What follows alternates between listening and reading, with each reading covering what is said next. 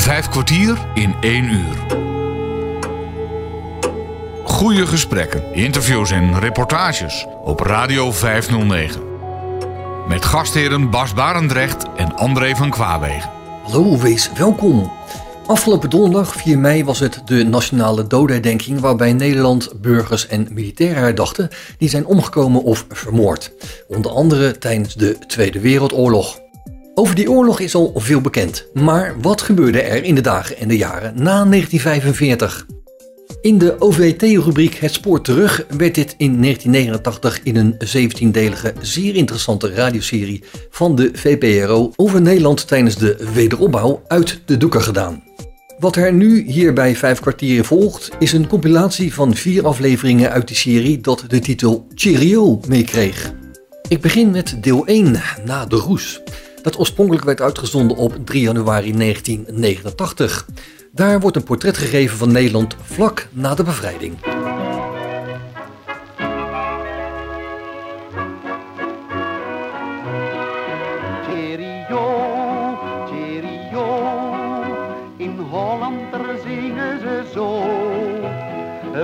Met de zorgen en weg met verdriet, we komen er wel ook al zijn we er nog niet. Want de jongens van Tromp en Piet die krijgen ze lekker niet klein. Er zat vijf jaar de mot in, maar nu zit er schot in en Hollanders willen we zijn. Hier is herrijzend Nederland. Landgenoten, thans is het ogenblik gekomen waarop wij u het definitieve einde van de oorlog in Europa kunnen aankondigen. Zojuist hebben wij het volgende telegram ontvangen. De capitulatie van alle Duitse strijdkrachten vond vanmorgen vroeg om 2 uur 41 plaats in een klein schoolgebouw waarin generaal Eisenhowers hoofdkwartier is gevestigd. Vanzelfsprekend brengt herrijzend Nederland u in de loop van de dag verdere berichten. Een paar inwoners van Hilversum die hier op het ogenblik in de wagen zitten, eh, die hebben waarschijnlijk nog wel iets te vertellen over de bevrijding zoals zij die hebben meegemaakt. Eh, vertel eens, hoe eh, heb je het gezien? Hoe heb je hier de eerste Canadezen zien binnenkomen? Nou, ik heb werkelijk reusachtig luxueus gezeten en heb alles, alles voorbij zien komen waar we jarenlang op gewacht hebben, werkelijk.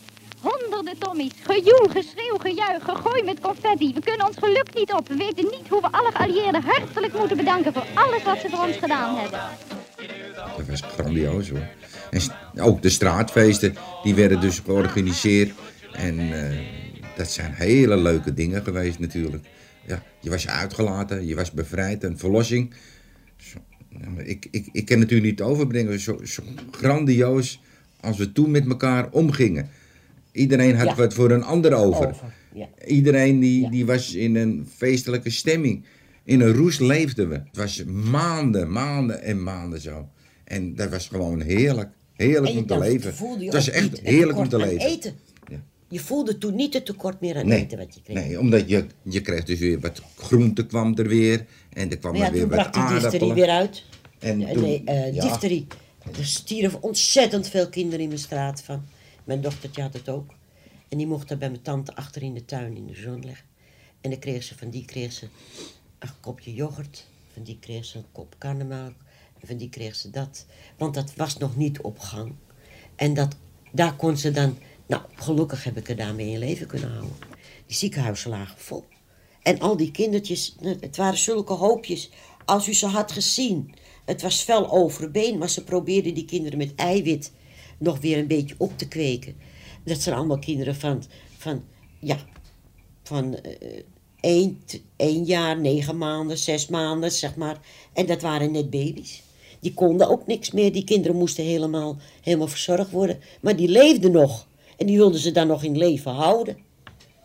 Maar er was niet genoeg hulp voor, want hoeveel mensen lagen er niet met hongeroedeem? En, en andere ziektes, want toen kwamen er pas de ziektes los. De mensen voelden toen pas de nadigheid. En toen kon je alweer opgenomen worden. Maar daarom was er nog niet genoeg hulp. Want ik geloof op dat zaaltje van mijn dochter dat er één verpleegster over twintig van die kindertjes ging met elkaar.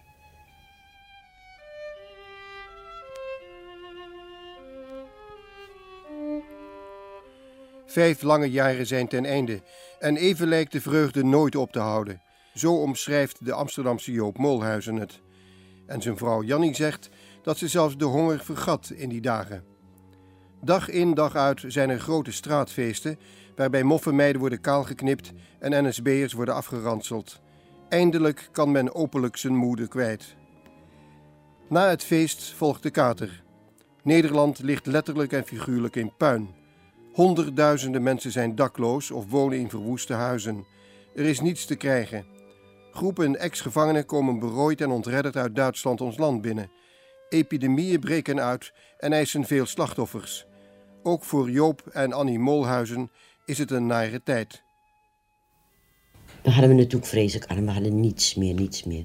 Mijn man die had gelukkig meteen werk, maar dan ben je er nog niet meteen bovenop. We hadden ons tweede kind werd verwacht. En buiten alle ellende die we voor die tijd hadden meegemaakt, eh, had ik natuurlijk niet veel in huis voor het kind. Maar hier en daar van buren, omdat die ons goed konden, hebben we het een en het ander gekregen. En ik ben naar de Sutuba gegaan. Er was een ouderwetse linnenzaak, lingeriezaak. En die had een zak met lapjes staan voor een dubbeltje. Daar heb ik de hemdjes en de broekjes en alles van gemaakt. U weet hoe het gaat. En uh, met giften en gaven, daar hebben we, dan heb ik dan een uitzetje bij elkaar meegekregen. De wederopbouw van Nederland is begonnen. Maar niet iedereen staat te popelen om daaraan mee te doen.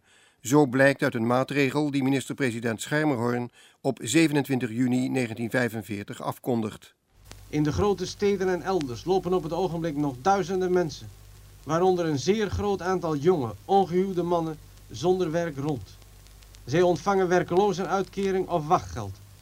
En elders zit men om arbeidskrachten te springen.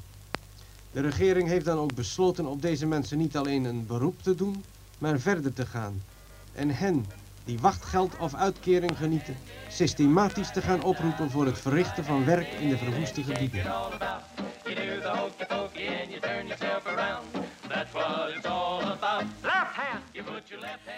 Ook de 24-jarige loodgieter Wally zit niet te wachten op de wederopbouw. Hij hoopt dat de naoorlogse chaos nog een flinke tijd zal duren. Als huismeester bij de Canadezen, die ingekwartierd zijn in een oud klooster, vaart hij er namelijk wel bij. Ik werd natuurlijk ook regelmatig benaderd of ik niet iets wist, of ik niet iets wilde kopen. En omdat ze natuurlijk steeds meer bij me kwamen, deed ik natuurlijk dapper mee. Ja. En hoewel ik van nature geen handelaar ben, maar ja, goed, en uh, dat, dat blijkt ook wel. Anders had ik misschien ook wel in zo'n villa gewoond als die andere haha grote handelaren. maar ja, wat, wat deze allemaal voor een soort handel? Nou ja, laten we beginnen met sigaretten. Dat was natuurlijk, uh, iedere Nederlander uh, rookte natuurlijk volop. Dus dat was een gemiddelde handel.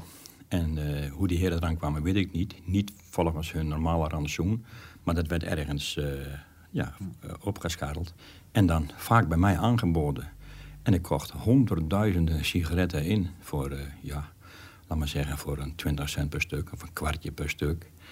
En ik heb ook wat meer gegeven, denk ik. En dan die verkocht ik dan met een, ja, voor, voor een dubbele prijs. Zo zeg maar zo twee kwartjes of 55 cent per sigaret. Nou, er was geen aanslepen aan, hè. En, aan wie verkocht u dat dan? U ging dat toch niet op straat lopen venden? Dat heb ik nooit gedaan, nee. Nee, maar ik had, uh, ik kende ook, om maar zeggen, aannemers die... Uh, die uh, ja, dat uh, eigenlijk als, uh, hoe moet je nou zeggen, als presentatiegeld, of, of, of niet, niet, ik zal niet zeggen steekpenningen, maar als presentatiegeld of sigaretten aanboden aan opdrachtgevers enzovoort. Hè, als een soort goodwill, denk ik. Maar dat ging me ook verder niet aan wat ze ermee deden. Ik, ik kocht het in en ik verkocht het weer. En het, maar ik moet zeggen, dat was allemaal nog in de tijd voor het tientje van Liefdink. Mm -hmm.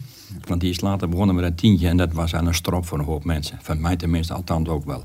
Ik leg er bijzondere nadruk op dat u deze maatregel slechts als een onderdeel moet zien van de voorgenomen totale geldzuivering. Ik vermeldde reeds eerder dat het besmette geld ook buiten onze grenzen een goed heenkomen tracht te vinden. Wij beschikken over duidelijke aanwijzingen dat het hierbij om grote bedragen gaat. De exporteurs van dit geld menen dat zij zich zodoende kunnen onttrekken aan de maatregelen die zij hier verwachten. Dit betekent niet alleen een gevaarlijk lek. Dit was professor Dr. Piet Liefdink, de toenmalige minister van Financiën op 7 september 1945. Georganiseerde smokkel en zwarte handel zijn die eerste tijd niet in de hand te houden. Degenen die zich in de oorlog nog niet verrijkt hadden, slaan nu hun slag. Want ook al is de oorlog voorbij, de schaarste duurt voort. Minister Liefdink probeert met vergaande maatregelen paal en perk te stellen aan deze wildgroei. Op 26 september verliest al het papiergeld dat dan in omloop is, zo'n 5 miljard gulden, zijn waarde. Banken en giro-instellingen worden geblokkeerd en de herkomst van het spaargeld wordt nauwkeurig nageplozen. Iedereen heeft recht op één nieuw tientje en vanaf 26 september moet dus elke burger leven van zijn lopende inkomen. Er worden zo snel mogelijk nieuwe biljetten gedrukt en in omloop gebracht. En toen, toen hield het op. Dat was ook het laat, de laatste van je zwarte handel. Ja, dat, toen was het over. Hè. Toen moest ik weer gewoon gaan werken. Nou, dat, viel, dat, dat viel mooi af. En toen was de spoelen niet zo, dik, niet zo dik meer. Hè. Die werd dunner. Maar je had toch wel wat spaargeld? Jawel, ik had er wel een paar spaarcenten. Mijn vrouw zegt dat je niet meer had. Ik zei, ja, maar als je vrijgesteld bent, is er voor nodig. Hè. niet dan, zo is het toch? Ja, ik zou het nog niet opgemaakt hebben hoor. Maar het is nog wel iets van overgebleven. We kunnen ons wel redden, want dat gaat het niet om. Maar eh, ja, ach, het had ook niet eeuwig kunnen duren, zoiets niet. Hè. Terwijl Wally er rijk van wordt en hij is nog maar een klein handelaartje, hangt voor de meeste Nederlanders een somber waas over de bevrijdingsvreugde. Ook Joop en Annie Moolhuizen uit Amsterdam zitten aan de grond. Joop vindt een baantje als chauffeur bij een expeditiebedrijf. Hij komt vaak in het oostelijk havengebied, waar de loodsen vol staan met huisraad van niet teruggekeerde Joden en waar op de Levantkade een interneringskamp voor NSB'ers is ingericht. Hij moest die NSB'ers Ja. wel eens rijden, omdat hij in een expeditie zat. En dan mochten ze wat uitzoeken. En dan zochten ze wat uit. En dan gaven ze het aan ons, een ze keukenloper, een kachel. meer, dus, want ze eh, wilden het niet eens hebben. Waarom niet? Nou, dat, dat eh, wilden ze niet. Omdat ze het beter gewend waren natuurlijk. het beter gewend. En dan kon hij nog wel eens wat krijgen. En zo kwamen we aan een keukenloper, een kleedje, een stoel, een kachel. Zo binnen wij aan onze spullen gekomen. Door Dat de NSB'ers. spullen. En dat waren, waren Joodse, spullen. Joodse spullen, Maar die werden toegewezen aan NSB'ers die dan weer terugkwamen, die weer op gang gekomen moesten worden. Maar vond u dat geen nare gedachte dat het allemaal voor mensen waren die in het kamp waren? Dat is zeker naar, ja, Ja, natuurlijk. natuurlijk. Is dat Maar als je vreselijk. niks had. Maar als je zelf niks hebt en je ziet dan dat de NSB'ers die dus dat krijgen toegewezen en het niet eens nodig hebben. Maar doordat ze dus ergens geïnterneerd geweest waren, enige maanden of een half jaar. En dan krijgen zij dat toegewezen. En jij hebt dus zelf helemaal niks. Dus dan was je blij als zo'n NSB er Maar tegen je kwamen er niet Nou voor neem in jij maar mee. aanmerking. Dus wij waren blij dat we nog weer eens een stoel kregen. Ja, hoe, hoe zat u eigenlijk in dit huis? Dat, u woonde dan niet hier, Ik maar woon in Op een halve woon op woning. een halve woning. met een dochtertje. Met een dochtertje. Maar hoe zag het uit na de oorlog? Nou, nou, we hadden niets. We waren 12,5 jaar getrouwd. En toen hebben we ons eerste meubelementje van 300 gulden kunnen kopen. Vijf kwartier in één uur. In de OVT-serie van de VPRO, Het spoor terug met de titel Cheerio, gaat deel 5 over de woningnood en de woningbouw in de naoorlogse jaren. Je hoort nu een door mij gemaakte compilatie van dit deel dat oorspronkelijk in zijn geheel werd uitgezonden op 31 januari 1989. In de door den oorlog geteisterde gebieden is de woningnood hoog gestegen. Noodtoestanden zijn ontstaan waarin vooral met het oog op de snel naderende winter ten spoedigste moet worden voorzien.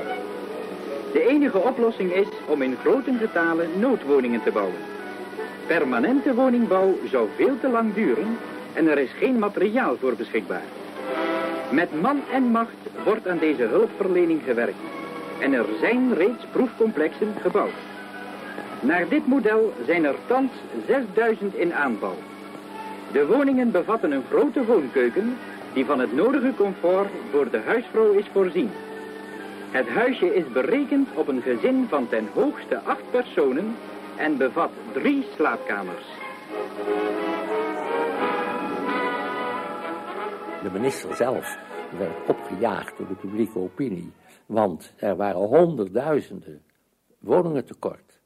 En eh, dat had, dat had eh, voor de bevolking, en, eh, laat ik zeggen vooral de huwelijken die eh masse eh, eh, ik zeg, gesloten werden direct na de bevrijding, eh, die, eh, eh, die mensen moesten onder dak.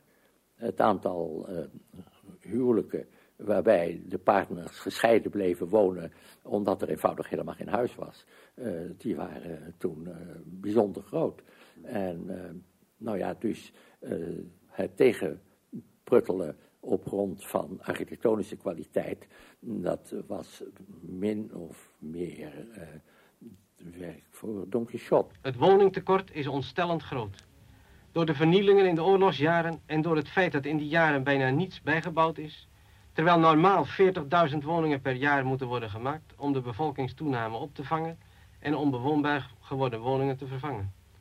Wil men de achterstand in 10 jaar inhalen en de vernielde woningen binnen deze tijd herbouwen, dan zullen jaarlijks 65.000 à 70.000 stuks moeten verrijzen. Doch dit alles kan alleen slagen indien op korte termijn voldoende hoeveelheden materialen en materieel in het land komen. Letterlijk aan alles is gebrek, doordat Nederland leeggezogen is tijdens de bezetting. Hout, staal, kalk, glas, bouwmachines, vrachtauto's enzovoorts, zij zullen alle moeten zijn ingevoerd, alvorens met kracht kan worden begonnen. En dan moeten de arbeiders werkkleding, schoeisel, gereedschap en fietsen hebben. Het zal door al deze tekorten een moeizaam begin worden en men zou verkeerd doen in het begin te grote verwachtingen te hebben van het tempo. Toch zal het tempo erin komen wanneer de wil er is om de moeilijkheden te overwinnen. En die wil is er bij het Nederlandse volk zeker. Van nieuwbouw kwam die eerste jaren niet zoveel terecht. Het accent lag op het herstellen van beschadigde woningen. De woningbouw zelf maakte in 1946 niet meer dan 25% uit van het totale zogenaamde gebouwenplan. We moeten alweer terug naar de oorlog, want toen was er een studiegroep gevormd die meteen na de oorlog het boek De Stad der Toekomst, de toekomst der stad publiceerde. Het was een blauwdruk waarin vooral de wijkgedachte ontwikkeld werd. De bekende architect Van Tijen was lid van die groep. Men wilde die stad structureren door heel duidelijk wijken uh, te creëren. Wijken samengesteld uit buurten die elk een eigen, zekere eigen identiteit hadden. De wijk was een heel belangrijk uh, identiteitsmotief en de wijken samengevoerd vormden bij de grotere steden een stadsdeel. En dat stadsdeel was dan ook weer een component van de totale stad. En men heeft eigenlijk het onderwijssysteem toen gekozen als uh, laat ik zeggen, drager van de maatvoering van die onderdelen. En uh, daar werd met een zekere vroomheid over gesproken. Men had het idee dat men daarmee de, het stadsburgerschap een ideële ondergrond had gelegen. Een trotse aankondiging in de kale polder Schieveen getuigt van een van de grote plannen van Rotterdam. Veel is er nog niet te zien, maar we staan hier op een terrein dat in de toekomst een grote betekenis zal kunnen krijgen. Minister in het veld hijst boven het simpele bord de stadsvlag. Dit is maar één van de vele projecten die ditmaal op de jaarlijkse opbouwdag door de autoriteiten worden bezocht. Op een bijna even naakt terrein in Oud-Mathenesse worden de eerste palen geheid voor vijf grote huizenblokken die 430 woningen zullen bevatten. Maar grote wijken zouden er in de tweede helft van de 40er jaren nog niet gebouwd worden. Jarenlang was men bezig met het onteigenen van de grond, het ontwikkelen van een wegennet en bovendien beschikte het Rijk over te weinig geld en materiaal. De heer Huiskus kan zich nog een voorval herinneren.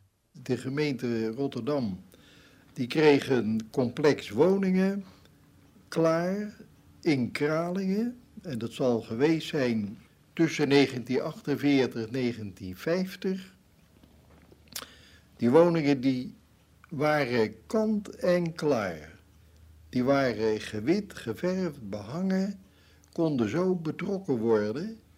En hoe vreemd het u ook in de oren zal klinken, ze konden niet verhuurd worden op grond van het feit eh, dat de closetpotten ontbraken. En dan zult u zeggen van, hoe is dat nou mogelijk? Nou, daar heb je dan bijvoorbeeld zo'n knelpunt. Uh, de fabriek die closetpotten moest leveren, die uh, was achter op zijn uh, programma. En het heeft drie maanden geduurd voordat die bewuste woningen van closetpotten konden worden voorzien. En in die tijd van ontzaglijke woningnood hebben daar dus een aantal woningen uh, leeggestaan. Die konden niet verhuurd worden. Rond 1950 is de eerste massale bouw op gang gekomen. In Rotterdam wordt Zuidwijk opgeleverd en in Arnhem komt de eerste grote nieuwbouwwijk Presikhaaf klaar. Dat is wel nodig ook, want sinds de bevrijding is de woningnood zeker niet afgenomen. De enorme geboortegolf heeft daar alles mee te maken. Nog steeds staan er advertenties in de krant in de trant van... Gaarne zouden wij ons huwelijk aankondigen, maar helaas ontbreekt ons nog steeds de woongelegenheid. Wie wil een gedeelte van zijn huis afstaan? In het Polygoonjournaal van 1950 is de opgetogen stemming van Waleer omgeslagen in een neerslachtige. Sedert de bevrijding zijn er in Nederland meer dan 200.000 nieuwe woningen gebouwd. Desondanks bestaat er nog een aanzienlijke achterstand op de woningbehoefte. Nog steeds zijn er huizen waar zes mensen in één kamer moeten slapen. Nog steeds zijn er hele gezinnen die met een klein zoldertje genoegen moeten nemen. Die mensen hebben echter nog een dak boven het hoofd. Maar in de magazijnen staan de meubelen opgeslagen van diegenen die het voorlopig met een meubel in de open lucht moeten doen. Zij wachten nog op een huis. Velen soms al jarenlang. Maar voor hun grote probleem kan een oplossing gevonden worden. Deze dagen is namelijk de uitgifte begonnen van de rentespaarbrieven... die voor de kopers een geldbelegging betekenen en voor de gemeenten contant geld. De verkoop van deze spaarbrieven is een onderdeel van de nationale lening ten behoeve van de woningbouw... waaraan reeds door intekening boven verwachting werd deelgenomen. Met het geld dat al dus werd en wordt verkregen... kan het woningbouwprogramma onverminderd worden uitgevoerd. Voor duizenden zal daardoor wellicht spoedig een luchtkasteel werkelijkheid kunnen worden. Vijf kwartier in één uur. In de 36 jaar dat de VPO het programma Het Spoor terug heeft gemaakt, werd er al veel over de Tweede Wereldoorlog en daarna gesproken. In 1989 maakten ze een 17-delige radioserie over Nederland tijdens de wederopbouw. Deze vijf kwartier staat in het teken van die serie met de titel Cheerio. Je hebt al twee van de vier delen gehoord die we in een compilatievorm hebben gegoten. Met de titels Na de Roes en Woningnood. Dan is het nu tijd voor Cheerio deel 9. De Duel, dat werd uitgezonden op 28 februari 1989. Dat een portret geeft van de dienst Uitvoering Werken, oftewel Duel, waar honderdduizend Nederlanders vaak slechte herinneringen aan hebben. Op Radio 509. Wij hebben al eerder vrijwilligers voor de Oost gevraagd. 60.000 hebben zich aangemeld. 10.000 hebben wij kunnen plaatsen. De Canadezen hebben hun hulp aangeboden en hun mannen aan het werk gezet. Maar in de Maple Leaf, het blad van de Canadezen, stond een ingezonden stuk van 82 Canadese militairen die tegen de gedwongen arbeid hunnerzijds bezwaar maakten, zolang de Nederlandse arbeidskrachten rondom de kant bleven lopen. Ik kan mij voorstellen dat onze geallieerde vrienden bereid zijn ons te helpen bij de verbetering van wegen, maar niet als onze mensen er met de handen in de zak naar staan te kijken. Daaraan zal en moet zoveel mogelijk een einde worden gemaakt. In de grote steden en elders lopen op het ogenblik nog duizenden mensen, waaronder een zeer groot aantal jonge, ongehuwde mannen zonder werk rond. Zij ontvangen werkelozenuitkering of wachtgeld. En elders zit men om arbeidskrachten te springen. De regering heeft dan ook besloten op deze mensen niet alleen een beroep te doen, maar verder te gaan. En hen, die wachtgeld of uitkering genieten, systematisch te gaan oproepen voor het verrichten van werk in de verwoeste gebieden. Het is op zijn zachtst gezegd een weinig logisch verhaal dat minister-president Schermerhorn op 10 augustus 1945 via de radio debiteert. Enerzijds heeft de regering slechts 10.000 van de 60.000 vrijwilligers die zich hebben aangemeld om te helpen bij het puinruimen kunnen plaatsen. Maar anderzijds kankert hij op werklozen die met hun handen in de zak staan toe te kijken terwijl anderen het werk doen. Een paar weken eerder heeft minister Sikko Mansholt van Landbouw, ook via de radio, verklaard dat de boeren helaas geen gebruik kunnen maken van de diensten die duizenden stedelingen hen hebben aangeboden bij het binnenhalen van de oogst. Immers, ze kennen het boerenvak niet en bovendien is er geen vervoer om al die mensen naar het platteland te brengen. Maar op 10 augustus doet het er plotseling niet meer toe of werkloze stedelingen wel eens een schop hebben gehanteerd of met een kruiwagen gewerkt. Zij moeten. Op straffen van verlies van hun uitkering. Het vervoerprobleem is voor hen ook al geen probleem. Ze worden in vracht- en veewagens naar de duwprojecten gebracht. Waarom wijst de regering het spontane aanbod van tienduizenden vrijwilligers af en verplicht ze tegelijkertijd anderen hetzelfde werk te gaan doen? Omdat die eerste categorie kennelijk bestaat uit goede vaderlanders die de handen wel uit de mouwen willen steken. Daar hoeven ze zich in Den Haag geen zorgen over te maken. Maar met hen die wel werkloos zijn, maar zich niet als vrijwilliger aanmelden, ligt dat anders. Die moeten behoed worden tegen de morele en politieke gevaren van de werkloosheid. Die gevaren zijn onder meer dat ze hun bereidheid tot werken verliezen en dat ze ontvankelijk worden voor een staatsgevaarlijke ideologie als het in de grote steden toch al sterke communisme. Hoe dan ook, of het nou is om de arbeiders uit de klauwen van het communisme te redden, of vanwege de bijbelse boodschap dat ledigheid des duivels oorkussen is, een feit is dat na augustus 1945 vele tienduizenden arbeiders gedwongen worden voor de duw te werken. Een van hen is de heer Van Veen. Hij heeft tijdens de oorlog als dwangarbeider in Duitsland moeten werken en het laatste jaar in een concentratiekamp gezeten. Eenmaal terug uit Duitsland wordt hij direct door de duw aan het werk gezet bij het herstel van land- en tuinbouwbedrijven in de Betuwe. Voor weinig loon moet Van Veen daar zeer zwaar werk doen. Dan was er een akker bij een boer en daar hadden die tanks overheen gereden en gestaan, dus het A4-geschut gestaan en dingen. En dan moesten we spaaien. Dus de grond moest gespaaid worden. En spitten. Dus, als we, dus we moesten we het 40 centimeter diep spitten. Dus ze was twee diep spitten. Als je begrijpt wat ik bedoel. Dus elke spit is 20 centimeter. Dus je moest je twee diep spitten. Maar die grond die was bikkelhard. En voor elke vierkante meter kreeg je 14 centen de meter. Dus je moest heel wat metertjes eruit gooien, waar je een dagloon kunnen verdienen. En dan op zo'n bikkelharde grond.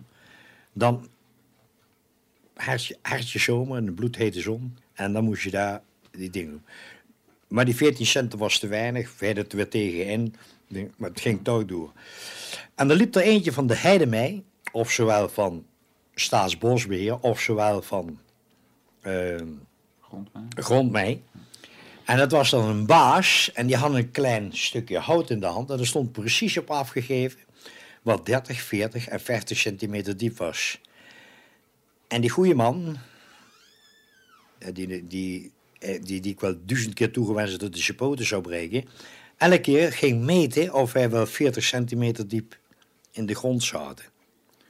En dat hij de hele dag. Terwijl het ongeveer 25 graden hitte was, dan had hij de overjas aan en de, en, de baggerluizen. Dan liep hij mee over dat land heen. Nou, dat deerde die man niet. Het deerde hem ook niet wat wij nou gebeurde aan geld. En dat was dan het wederopbouw van ons, van ons zogenaamd Schone Holland, wat, wat goed waardeloos was. Want we hebben, we, hebben, we hebben eigenlijk droog brood verdiend daar. En later uh, was dat weer het. Uh, later is ook nog dat liedje gekomen van de beter weer eens mooi in Bolu zien staan. Maar ze vragen niet wat dat gekost heeft aan, aan, aan, aan arbeiders.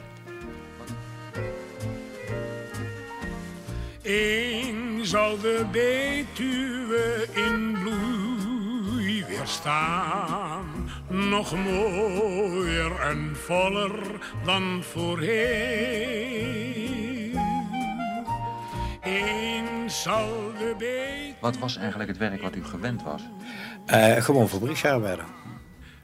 En toen kwam je als fabrieksarbeider in die duw eerst op het veld met de schop te staan. De, ja, maar daarbij was nog, als je nou, nou dus je ging, je, werd van, van de duw, van de aardesbureau werd je daarheen gestuurd, maar dan moest je al beginnen, als je dan vrijdags of zaterdags dat bericht kreeg, om een schop te gaan halen. En die schop die kostte, als je een beetje schop wou hebben, dan kostte die 8 gulden. Maar Moest je zelf betalen? Die moest je zelfs betalen. Dat was het enige. Dat, de rest van het materiaal, dat kreeg je... was duur en bijl en zo. Als de bomen geraakt moesten worden. Dat kwam van... Maar de schop moest je zelfs betalen. Nou, uh, als ik het uh, u zeg van... Uh, weet je wat een koekoek is in, in, de schop? Nou, dat is als je, als je de, de, de schop in de grond houdt... En je zult in één keer zegt knik... En dan is die, die, die versteviging is eruit. Er zit de zogenaamde koekoek zit er dan in. Dat is de schop naar de bliksem toe. En dat kon gebeuren, tot je dat één à twee keer in de week gebeurde. Dus kun je nagaan, daar niks. Maar die schop die moest je zelfs betalen. Dus dat, dan, dan had je die week, zet je gewoon op een houtje. Nou zeg ik nogmaals, voor mij was het niet zo erg, maar voor de meeste die mensen die bij mij, dat waren bejaarde mensen. Die waren zeg maar tussen de 40 en de 60 jaar in. Nou, die, die, die, die, die moesten. Ik, Maar kon u het werk aan, want u was het ook niet gewend. ja, dat was nou hetgeen. Je kon, kon je het aan, de moest, je moest er tegenaan. Je moest er tegenaan. Ook de heer Van Veen heeft in de jaren dat hij voor de duw werkte in zo'n werkkamp gezeten. In de peel moest hij de grond metersdiep afgraven. Van Veen is daar al na vijf dagen weggelopen. Oh, ja, dat, dat was geen werken daar. En, en eh, daarbij, ik heb zelfs in het concentratiekamp gezeten. Ik heb zelfs negen maanden vastgezeten. En eh, ik heb ik achter het pikkeldraad gezeten. Daar kwam ik in, precies in, de, in dezelfde toestand terecht waar ik daar gezeten. Dat was niet vol s'nachts. Er komt alles weer, ook, er komt alle herinneringen komen weer boven. Als ik een, een, een, des te ouder toen je nou wordt, heb ik er nou nog steeds aan- nog veel meer last van. Wat, wat ik toen meegemaakt heb. Maar u kreeg toen in het kamp in de Peel er ook al Ja, nachtmerries van. ja, ja, ja. Ik kreeg nachtmerries van. De- de- de- de- de- de- alles kwam weer op, hè. alles kwam weer naar boven toe. Hè. Nou, d- d- dat is iets verschrikkelijks. Daar- daar- daar- daar- Daar krijgen mensen tegen, dat bestaat niet. Je kunt naar zijn haat wezen als metaal, daar daar daar krijgen mensen tegen. Nadat hij is weggelopen uit het kamp in de Peel, krijgt Van Veen weer werk op duwprojecten in de buurt van Nijmegen, zodat hij niet meer in zo'n kamp hoeft te verblijven en elke avond naar huis kan. Duwarbeiders, zeker in de kampen, voelen zich niet alleen een soort tweederangsburgers, ze zijn het ook. In zijn boek Signaal op Rood schrijft arbeidsalmoezenier Van Iersel, die in 1947 maandenlang in duwkampen op Walcheren doorbrengt, hoe zelfs bouwvakarbeiders weigeren om aan één tafel te eten met duwarbeiders. Die zijn hen veel te min. Er werd zeker op je neergekeken. Ja, je was een van de laagste. Die, die- die- e- eentje zogenaamd uit, de- uit, uit de lagere regionen. Hè. Maar ze moesten er wel wezen. Want anders was er nooit, nooit iets van de grond afgekomen. Maar, maar merkt u dat? Ja, zeker. Zeker. Noem eens een voorbeeld. Nou, eh, als je, eh, op, als je op het perron stond van de trein, als, als je op de trein stond te wachten, dan ontweken ze je. Dus eh, de, de, want de, de trein komt aan, die had eh, gewone coupés en die had daarachter die veewagens hangen. Die veewagens waren voor ons bestemd en de coupés waren voor de, voor de gewone reizigers bestemd. Maar eh, die liepen met een boogje om je heen. Maar hoe konden ze aan u zien dat u eh, duwwerker was? Uh, toen je, toen je eh, in je werkkleren erheen ging en in je werkkleding weer terugkwam. Vond u dat erg? Nee. Ik heb er nooit erg. Nee, ik heb mijn eigen, ik, ik heb mijn eigen er nooit voor geschaamd iets. Nooit. Ik, heb, ik, ik, ik schaam mijn eigen nergens voor. Maar moet u toch wel gestoken hebben dat mensen Ja. een boogje om je heen liepen? Eh, dat, dat, dat, nee, eh, ja, maar als je als jongen van eh, 18 jaar naar Duitsland gestuurd werd... en je was daar al een drekkige Oostlander... en je was al een drekkig dit en een drekkig dat... dan werd je daar als, als, als onmens weer, weer dan, op het laatst gaat het een leven, hè. Eh, Daar ga ik je ook wel gewend. Maar was u dan niet teleurgesteld dat u na de bevrijding... Nou ja, dat, dat, dat- maar ja, zo was iemand het leven. Eh, ik, ik kan je ook wel vertellen, we kwamen uit Duitsland terug. En we hadden niks meer aan, hè. Dus we aan hadden verslompen. Want ja, we hadden niks. Nou, en ik ging hier naar, de, naar het kantoor toe. Het distributiekantoor. Nou, ik had eh, geluk. Ik kreeg twee bonnetjes. Eén van per werksgoed en één van en overal. Dus ik wist precies wat ik moest gaan doen. In dit laatste deel van deze vijf kwartier over het VPRO-programma Het Spoor Terug, dat in 1989 een 17-delige radioserie over Nederland tijdens de wederopbouw maakte, krijg je nu een uitgebreide compilatie van deel 13. De huisvrouw, dat horen was op 28 maart 1989. Als voor iemand de kater na de bevrijdingsroes hard aankwam, dan was dat voor de huisvrouw. Er was gebrek aan kleding, linnengoed, meubels, fietsen en soms zelfs voedsel. En het was de huisvrouw die verstellend, breiend en improviserend het gezin volledig overeind hield. Vijf kwartier in één uur. Ik ben in 42 getrouwd, midden in de oorlog. En in 43 werd mijn oudste zoon geboren en in 45 mijn jongste. Na de bevrijding? Nee, nog even voor de bevrijding, in maart 45. In de hongerwinter. En mijn man zat in Duitsland. Dus Die was ik, bij de razzia van vier- november 44 opgepakt. Precies, precies, ja. Dat was... eh, dus het was eh, een hele moeilijke periode eigenlijk. En mijn man was dan een paar keer in Duitsland geweest. En eh, toch nog weer teruggekomen. Maar die is later weer opgepakt. En toen hoorde ik eigenlijk helemaal niets meer van hem. Dus ik wist ook niet toen, ik, toen mijn zoon geboren werd... of mijn man nog leefde, ja of nee. Wanneer kwam je terug? In juni 45. Dus toen had u al een maandje bevrijding erop zitten. Toen had ik al een maandje bevrijding erop zitten, ja. Hoe was dat voor u als huisvrouw met twee kinderen? Nou, vreselijk moeilijk natuurlijk. Je had eh, geen voedsel, voor de kinderen ook niet. En eh, het was, eh, ja, je moest maar zien dat je, dat je iets bereidde. En, en op de gekste manieren probeerde je iets te verzinnen. Maar het was, het was vreselijk moeilijk. Ik kreeg voor die, die jongste dan wel wat bonnen voor voedsel. Maar eh, er was meestal niets te krijgen, ook op die bonnen niet. Gelukkig, eh, wat eigenlijk heel bijzonder is, want je had zelf ook niets te eten. Maar toch heb ik hem nog eh, de borst kunnen geven. Waardoor hij. maar voor die oudste, die was toen anderhalf jaar. Daar was het helemaal vreselijk moeilijk voor. Maar het was maar eigenlijk. geen verhaal over de hongerwinter wat u vertelt. Het is nu ook vlak na de bevrijding was het nog zo. Na de bevrijding was het eigenlijk het ergste. We waren, want eh, ik kan me nog goed herinneren dat mensen de straat op gingen en die riepen: Vrede? Wat is vrede? Vrede moeten we hebben. Mei 1945. Er is vrede, maar geen vrede, zoals de Rotterdamse mevrouw Groenendaal het zich levendig herinnert. De vrouwen zijn het beu. Vijf jaar lang hebben ze het zwaar gehad in de oorlog. Als er om voedsel moest worden gegaan bij de boeren, waren het de vrouwen die dat deden, omdat de mannen, voor zover ze nog thuis waren, niet het risico wilden lopen om opgepakt te worden en naar Duitsland gestuurd. En toen uiteindelijk na de razzia's vrijwel alle mannen toch waren weggehaald, stonden ze er helemaal alleen voor om de hongerwinter door te komen. Niet zelden met een groot gezin. Maar nu er vrede is, blijken de zorgen voor de huisvrouw nog niet voorbij. Nog steeds is bijna alles op de bon en vaak kun je zelfs met bonnen niets kopen. Dood eenvoudig omdat het er niet is. De vrouwen raken gedemotiveerd en gaan bij de pakken neerzitten. Maar dat mag niet. Vandaar dat ze met pep talk onder vuur worden genomen. Vijf jaar hielden we vol, dan zullen we nu niet versagen. Juist nu hebben we vrouwen nodig die van aanpakken en doorzetten weten, schrijft het zojuist weer verschenen damesblad Margriet. We moeten beseffen dat het onze geest is die de mannen inspireert tot hogere arbeidsprestatie. Onze stemming die de sfeer in huis beheerst en die van onze kinderen weer opgewekte, evenwichtige wezens kan maken. We zijn als de tuinman die een tuin vol onkruid voor zich heeft liggen en met eindeloos geduld en taai volharden deze woekering bestrijden en de baas worden moet. Wij, vrije vrouwen van Holland, laten we de reputatie van deze vijf jaren hoog houden. Niet veel praten, maar doen. Spartaanse zelfopvoeding, gevoel voor humor, moed en zin in het werk, dat moeten we hebben. Spartaanse zelfopvoeding en gevoel voor humor. Dat hebben veel vrouwen inderdaad wel nodig. Zeker in de gebieden waar zwaar is gevochten en soms geen steen meer op de andere staat.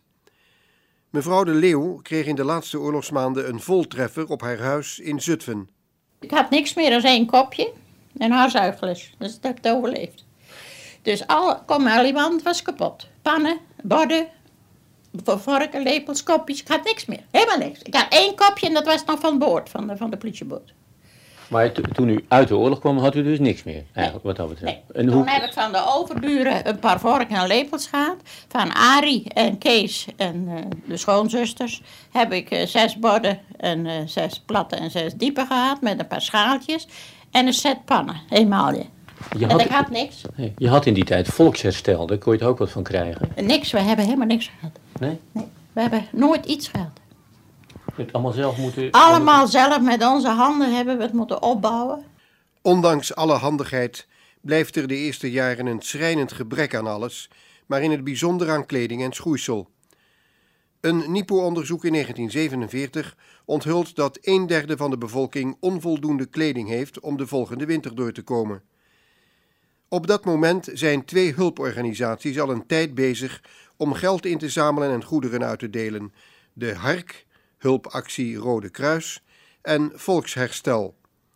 Helaas is er tussen beide organisaties nogal wat animositeit. Daarnaast gaat er nog eens wat mis bij de verdeling van hulpgoederen uit het buitenland. Zo verdwijnt bijvoorbeeld alle hulp die in Portugal is ingezameld spoorloos. Bij de bevolking klaagt men over verkeerde hulp en vriendjespolitiek. De dames Luppens en Simons uit Oost-Groningen. Ons oudste zoon geboren is. Toen kreeg ik bericht van het gemeentehuis dat ik kon eh, zes eieren halen. En toen begreep ik dat erop stond van zes luiers. En dan ging ik daarheen en toen eh, zeg ik, ik, zeg, ik heb een briefje gekregen. Stond op van ik kon luiers krijgen, want, omdat er niks was in de oorlog. Ja, zeggen ze, maar dat zijn geen luiers, dat zijn eieren. Oh, zeg ik, ik zeg eieren heb ik zelf wel, we hebben zelf wel kippen. Nou, en toen was de crisis, toen eh, was ons oudste zoon was misschien een jaar of twee jaar. Dan kon ik ook wat krijgen. Oh, neem ze dat nog maar Jaan van... Van Hark. Van Hark. Nou, ik kon ook wat krijgen. Nou, ik heen. Nou, ik zeg, wat krijg ik dan? Toen uh, gooien ze me zo'n gebreide muts toe. Ook nog een grote. Ik zeg, dit wil ik niet hebben. Ik zeg, dan kan ik kind, kind die muts toch niet opzetten. Nou, dan kreeg ik niks. Dat heb ik niks gekregen. En dan waren ook gewoon, die, die, ja, die kregen van alles. Ik zeg, maar waarom krijgen die dan wat? Ja, die waren er beter aan toe als ik. Die waren nodiger als ik. Ja, maar waarom ik dan niet? Ja, omdat we een huis hebben. Naast de twee officiële hulporganisaties zijn er ook particulieren die zich het lot van de huisvrouw aantrekken. Bijvoorbeeld het damesblad Margriet, waar in 1946 zoveel schrijnende lezersbrieven binnenkomen van vrouwen die geen luiers en kinderkleertjes hebben, dat de hoofdredactrice een eigen hulpactie opzet. Ze begeleidt die actie met artikelen die je eerder in een radicaal linksblad zou verwachten dan in een braaf katholiek georiënteerd damesblad. Ik doe geen beroep meer op de hulp van u, lezeressen en lezers. Er wordt in één woord niet genoeg gezorgd voor moeder en kind. En daar moet verandering in komen. Er moet meer wol worden geïmporteerd. Laat men daar de visa voor beschikbaar stellen in plaats van voor luxe auto's. Er moet meer worden gefabriceerd. Laat men minder stoffen voor avondjurken maken en meer voor luiers. Er moet meer in de winkels komen. En wat er is, mag niet worden verhandeld in het systeem van vriendjespolitiek. Ik vraag niet.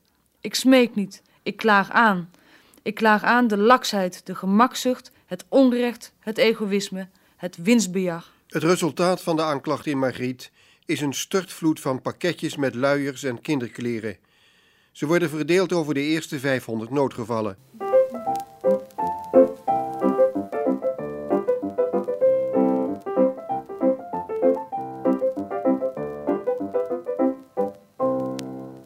Natuurlijk midden in de schoonmaaktijd. Dan beginnen we met een heerlijke oefening voor die vermoeide armen. Gaat u staan met gesloten voeten. Ja, en buigt u nu eens een klein beetje met de romp naar rechts. Mevrouw Volmer uit Emmen is nog geen huisvrouw als Nederland wordt bevrijd. Ze trouwt pas zes jaar later, in 1951. Dat is ook het jaar waarin het laatste artikel, koffie, van de bond gaat. Maar verder blijft het voorlopig nog schaars en sober in de Nederlandse huiskamer. Ik ben vanuit de stad naar het uh, oosten verhuisd, naar een klein dorp. Naar Emmen, hè? Naar Emmen, in uh, Drenthe verhuisd. En dat werd toen een industrieplaats. Het was een begin van de, de industrie die daar kwam.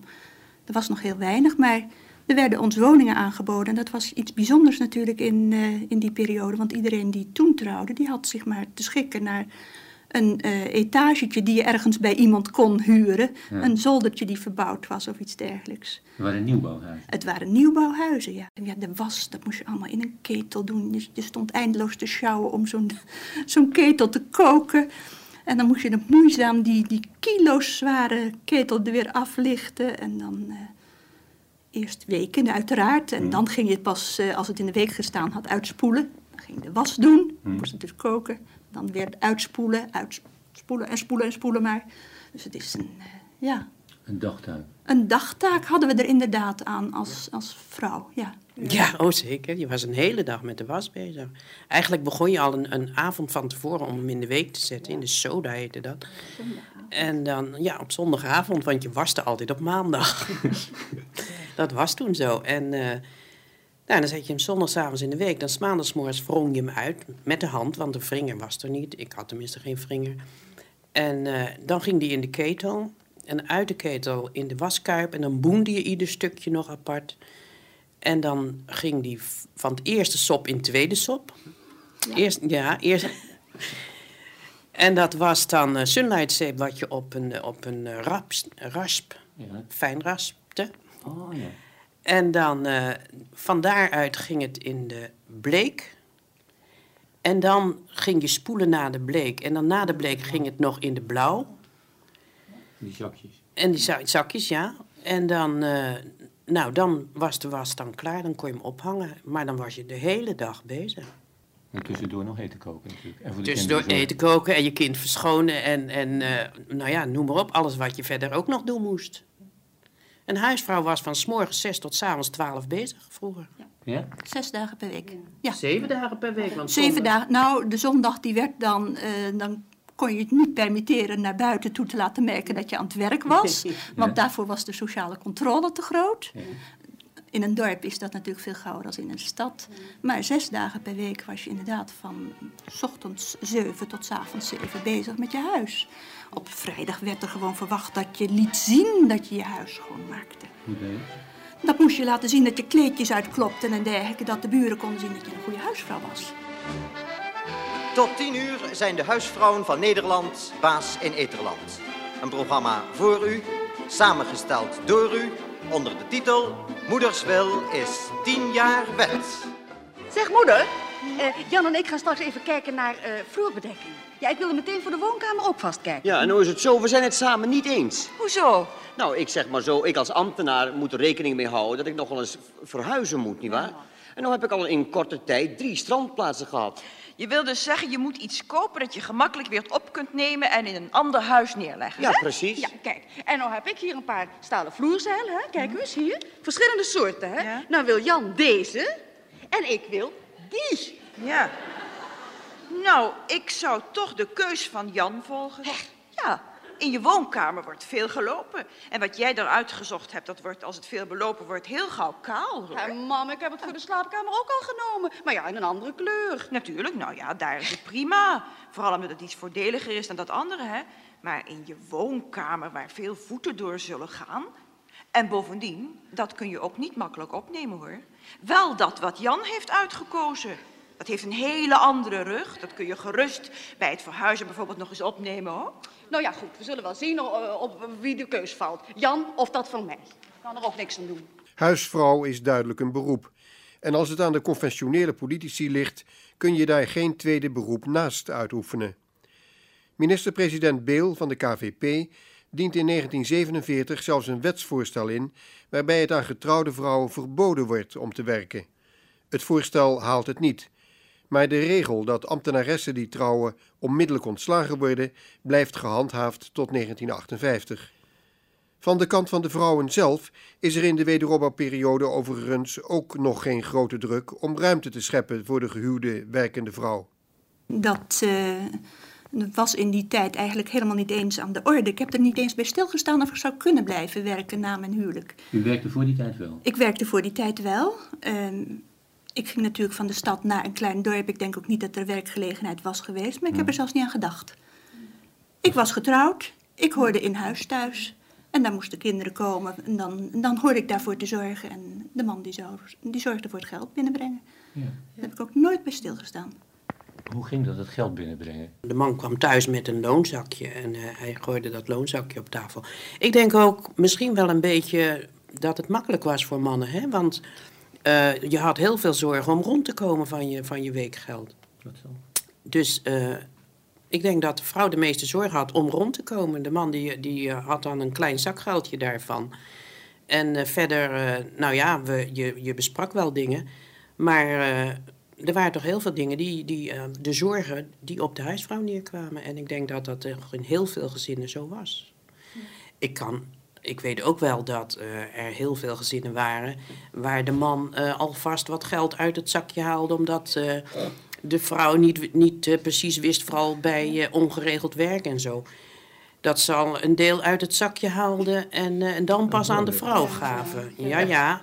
Want ik kan me ook nog heel goed herinneren dat toen het overging eh, van, eh, bankafs, eh, van bankoverschrijving, dat er een aantal mannen ontzettend boos waren. Want nu kon de vrouw precies zien wat ze verdiende. Ha! Hmm, moeder, wat ruik ik voor een heerlijk geurtje. Oh, dat is het vlees dat opstaat. Nou, je zou er zo trek in krijgen. Wat krijgen we voor vlees vandaag? Nou, jonge dame, jij wilt toch binnen een weekje vrouw des huizes zijn, hè? Alsjeblieft. Vertel me eens wat voor soort vlees dit is. Varkens, runder, kalfs, paarden of schapen? Hoe kon ik dat nou weten?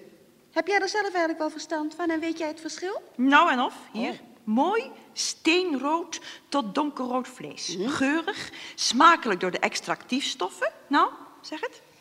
Geen idee. Jij, Jan? Nou, maak het nou een beetje, dat hoef ik toch niet te weten. Nou, nou, nou, nou, nou. Zeg. Ik geef het op, mam. Nou, huisvrouw in de dop. Ja, dat vind ik flauw dat je me zo voor schut zet voor Jan. Ja, zo gaat dat nu. De vraag, vraag 2. Het vlees is dus steenrood tot donkerrood, geurig en smakelijk door de extractiefstoffen. Welk vlees wordt hier bedoeld? Zeg niet nee, he, he, he. zeg niet nee, he, he, he. Aan het eind van de jaren 50 promoveert in Leiden de Indiase wetenschapper Isha Varan op het onderwerp Family Life in the Netherlands. Hij komt tot de conclusie dat Nederland een hecht familie- en gezinsleven kent dat door de oorlog niet uit elkaar is geslagen, maar eerder is verstevigd. Volgens hem zijn binnen het gezin de ideeën over seksualiteit en de patriarchale structuur nauwelijks ondermijnd door hier en daar opkomende gelijkheidsfantasieën. En mevrouw Volmer bevestigt die mening. Mijn man, die eh, is nooit, eh, ja, dat klinkt gek als ik zo zeg, maar nooit te beroerd geweest om te helpen in de huishouding. Er was natuurlijk eh, in de eerste jaren niet zo'n vreselijke noodzaak voor, hè, omdat ik toen zelf dat allemaal kon. Ja. En eh, toen de kinderen kwamen, ja, toen eh, heeft hij uiteraard ook wel eens geholpen. Maar iets wat ik wel heel grappig vind is, tegenwoordig zal hij rustig een kleed uitkloppen buiten. Dat vindt hij niet erg als buren dat zien. Toen weigerde hij dat. Hij weigerde ook om die kinderwagen te duwen. Oh ja. Dat deed je niet als man. Hij wilde er wel naast lopen, eventueel zijn hand op de, op de stang van de kinderwagen leggen, maar hij wilde hem niet zelf duwen en ik ernaast lopen. Dat zijn van die kleine veranderingen die in de loop van de jaren dus wel eigenlijk zo gekomen zijn. Hè? Nu gaat hij heel rustig naar buiten met een kleed om dat uit te kloppen. Hangt de was op als ik er niet ben en dergelijke. Maar dat kwam toen niet in hem op. Maar ook niet in u misschien. Ook niet in mij. Nee, het was mijn taak. En het is juist verschrikkelijk grappig dat ik tegenwoordig merk dat ik niet moet denken, dat is mijn werk, daar moet jij afblijven.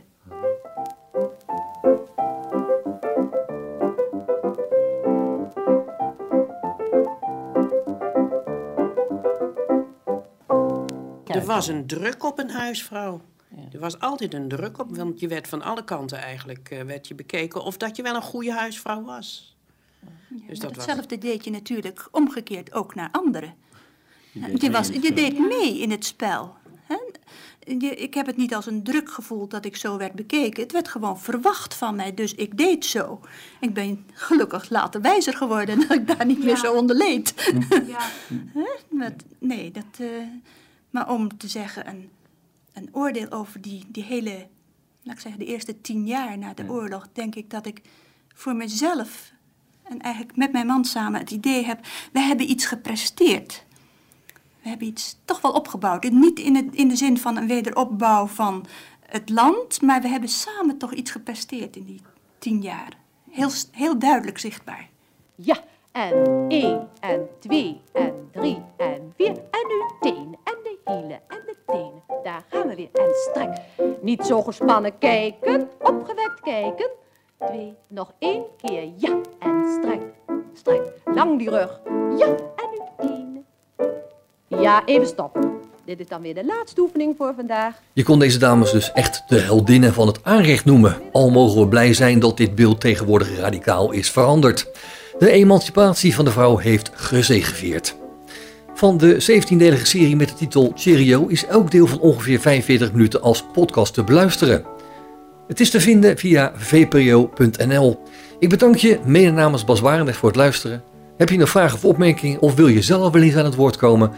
Dan kan je een mailtje sturen naar bas.radio509.nl Geniet van de rest van deze dag, blijf luisteren naar Radio 509 en tot een volgende keer. Vijf kwartier in één uur is een programma van Bas Barendrecht. Techniek André van Kwaabegen.